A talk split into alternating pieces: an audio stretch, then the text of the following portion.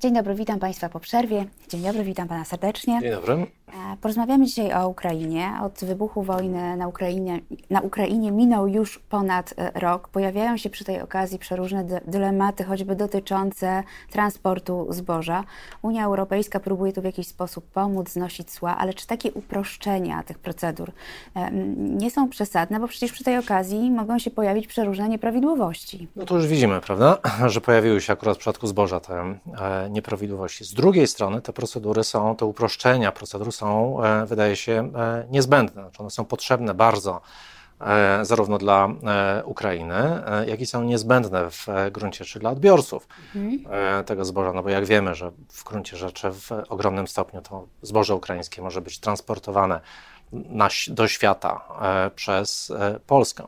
Z tego punktu widzenia wydaje się, że uproszczenia są jak najbardziej zasadne. Mhm. Natomiast niewątpliwie musimy zadbać też o to, aby nie dochodziło do sytuacji takich, w których no, mamy do czynienia z pewnymi, powiedziałbym, nadużyciami, czy z e, pewnym e, wykorzystaniem w gruncie rzeczy e, sytuacji w sposób, który uderza w e, polskich producentów, mhm. E, bo zdecydowanie no, to nie jest formuła, która jest e, formułą akceptowalną. Mhm. Szkoda, w gruncie rzeczy można było przewidzieć e, od samego początku, że formuły takie właśnie jak gwarancje, kaucje i tak dalej, zabezpieczenia mhm. byłyby w tym akurat przypadku bardzo mm, e, pożądane. Trochę późno, no ale chyba teraz e, wydaje się, że wszyscy mają pewność, że trzeba do tego pomysłu, do tych rozwiązań wrócić, mhm. żeby uszczelnić maksymalnie cały ten proces ale wydaje się, że niewątpliwie e, to nie jest tak, że powinniśmy myśleć o e, kompletnym odejściu od tych procedur uproszczonych, bo one są bardzo potrzebne.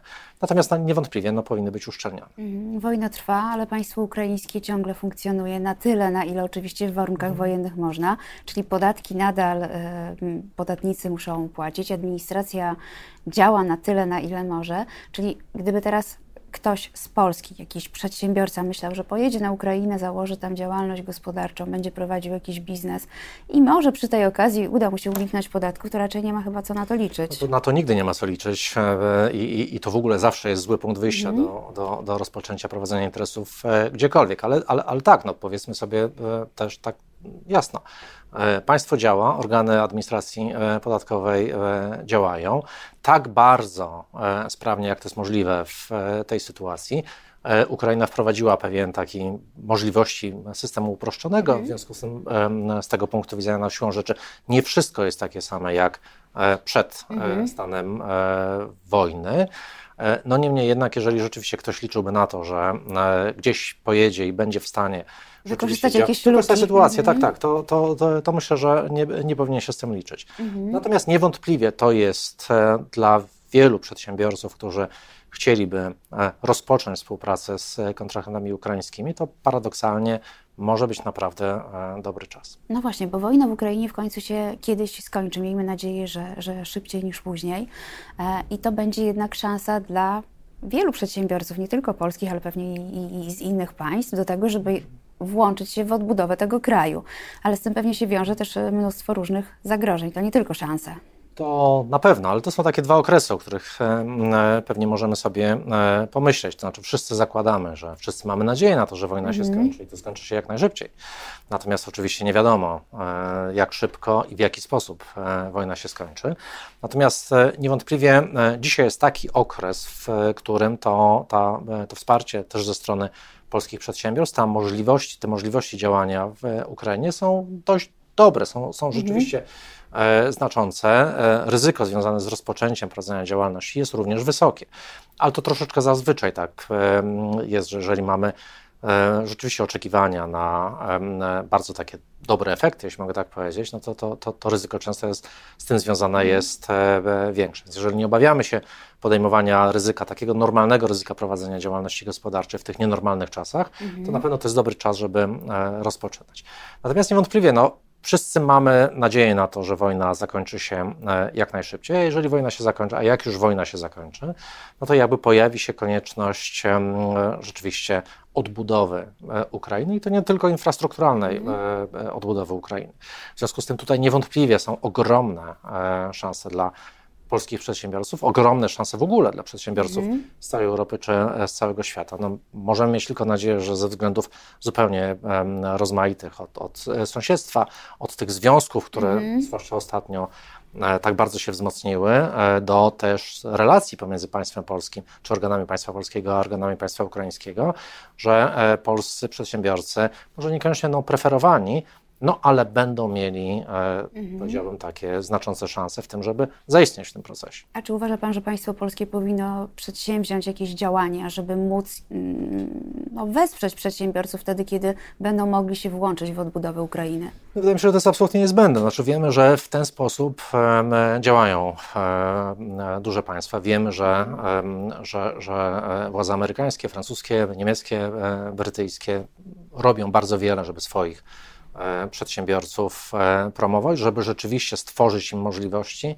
e, żeby stworzyć im możliwości i na poziomie takim politycznym, i, i na poziomie choćby mhm. pewnych gwarancji związanych z funkcjonowaniem i z rozpoczęciem funkcjonowania w państwach, które, które, które, no, w którym funkcjonowanie jest z różnych względów mniej pewne, mniej bezpieczne.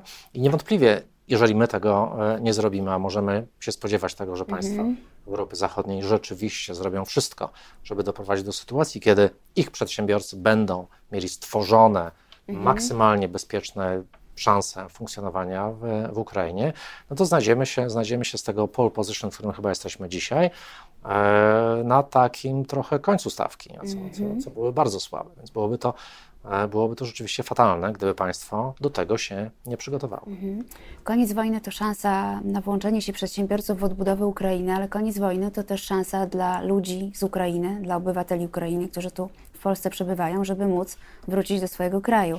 Czy my mamy jakiekolwiek szanse, żeby chociaż część z tych ludzi zatrzymać, bo jednak są potrzebni naszej gospodarce? No, bardzo, to znaczy to jest zupełnie oczywiste. Widać tak naprawdę w jak dużym stopniu, choćby mhm. Warszawa funkcjonuje dzięki temu, że, czy duże miasta funkcjonują dzięki temu, że rzeczywiście e, pojawili się e, pracownicy z e, Ukrainy. I, I, myślę, że powinniśmy naprawdę być przygotowani do tego, że w pewnym momencie, i to ten moment prawdopodobnie będzie nadchodził całkiem niedługo, na to, że będziemy musieli zabiegać mhm. o to, żeby maksymalnie duża ilość Ukraińców zdecydowała się na pozostanie w e, e, Polsce. My będziemy konkurowali no tak, w sposób zupełnie oczywisty e, z Ukrainą, co, mhm. co, co, co jest jasne, bo większość prawdopodobnie imigrantów będzie chciała, przyjechała do Polski no, po to, żeby przeczekać. Mhm. Ale jeżeli stworzymy im rzeczywiście dobre warunki funkcjonowania, jeżeli stworzymy im i w miastach, i przez miasta, i przez, i przez, przez państwo rzeczywiście atrakcyjne warunki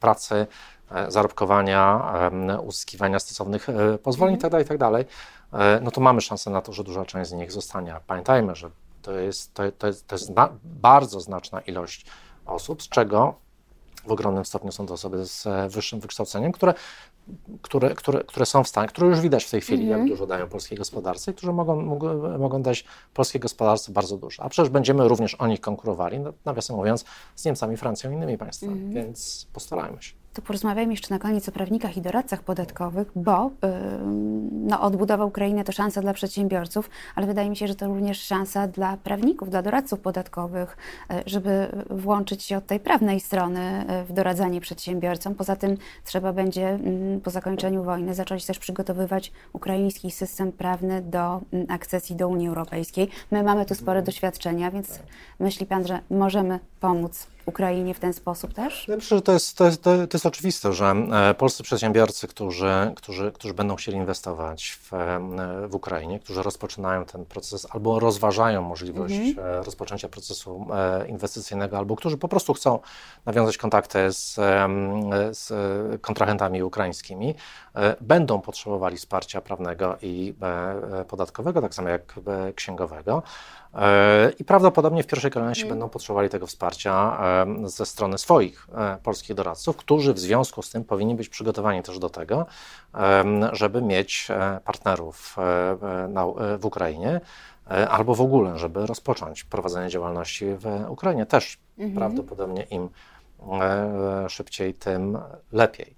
Natomiast myślę, że poruszyła też Pani jeden bardzo istotny wątek, to znaczy mm, Ukraina jest na tym jakby torze, na drodze dojścia do e, Unii Europejskiej. Jeszcze daleka To droga. jest bardzo daleka droga, ale też pamiętajmy, że u nas ten proces, w Polsce ten proces trwał kilkanaście lat. Sam proces dostosowania polskich przepisów do przepisów e, unijnych to był proces grubo e, przekraczający e, 10 lat. Oczywiście teraz może być troszeczkę inaczej. Tam mieliśmy 10 państw, one były w różnym stopniu mm, e, za, zaawansowania. Założenie było takie, że one wszystkie razem e, muszą dojść. Tutaj prawdopodobieństwo, że e, Ukraina będzie w stanie przeskoczyć pewne, em, pewne, pewne, pewne okresy, pewne, em, e, powiedziałbym, trudności jest bardzo wysokie. Ten okres może się odrobinę skrócić, ale to i tak będzie okres, który będzie no, kilkuletni, może, na, może raczej niż kilkunastoletni, ale bardzo, bardzo e, długi. I jakby w tym czasie Ukraina będzie musiała dostosowywać stopniowo swoje przepisy do, e, do prawa e, unijnego. Niewątpliwie to, to, e, to również e, jest taki obszar, w którym polscy prawnicy, polscy doradcy podatkowi, polscy księgowi e, mogą bardzo, bardzo intensywnie uczestniczyć, mogą bardzo mocno e, pomóc i wykorzystać swoje doświadczenia z tych, sprzed tych e, kilkunastu lat, kiedy my wchodziliśmy do Unii. To już ostatnie pytanie na dziś. Czy przedsiębiorcy już zaczynają pytać Pana, Pańską firmę o to, czy da się wejść na rynek ukraiński, czy da się na tym rynku zaistnieć, gdy się skończy wojna? Tak, coraz więcej, coraz więcej, coraz więcej firm pytają nie tylko o to, czy da się zakończy, e, e, zaistnieć, kiedy się skończy wojna, ale czy mogą to zrobić już teraz, bo, bo widzą, Nie chcą czekać.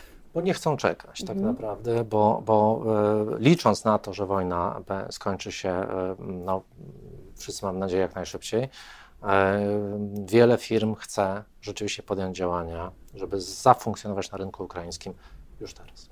Oby zatem wojna jak najszybciej się skończyła, a firmy mogły działać w Ukrainie. Serdecznie dziękuję za rozmowę. Moim Państwa gościem był Tomasz Michalik, doradca podatkowy i partner w MDDP.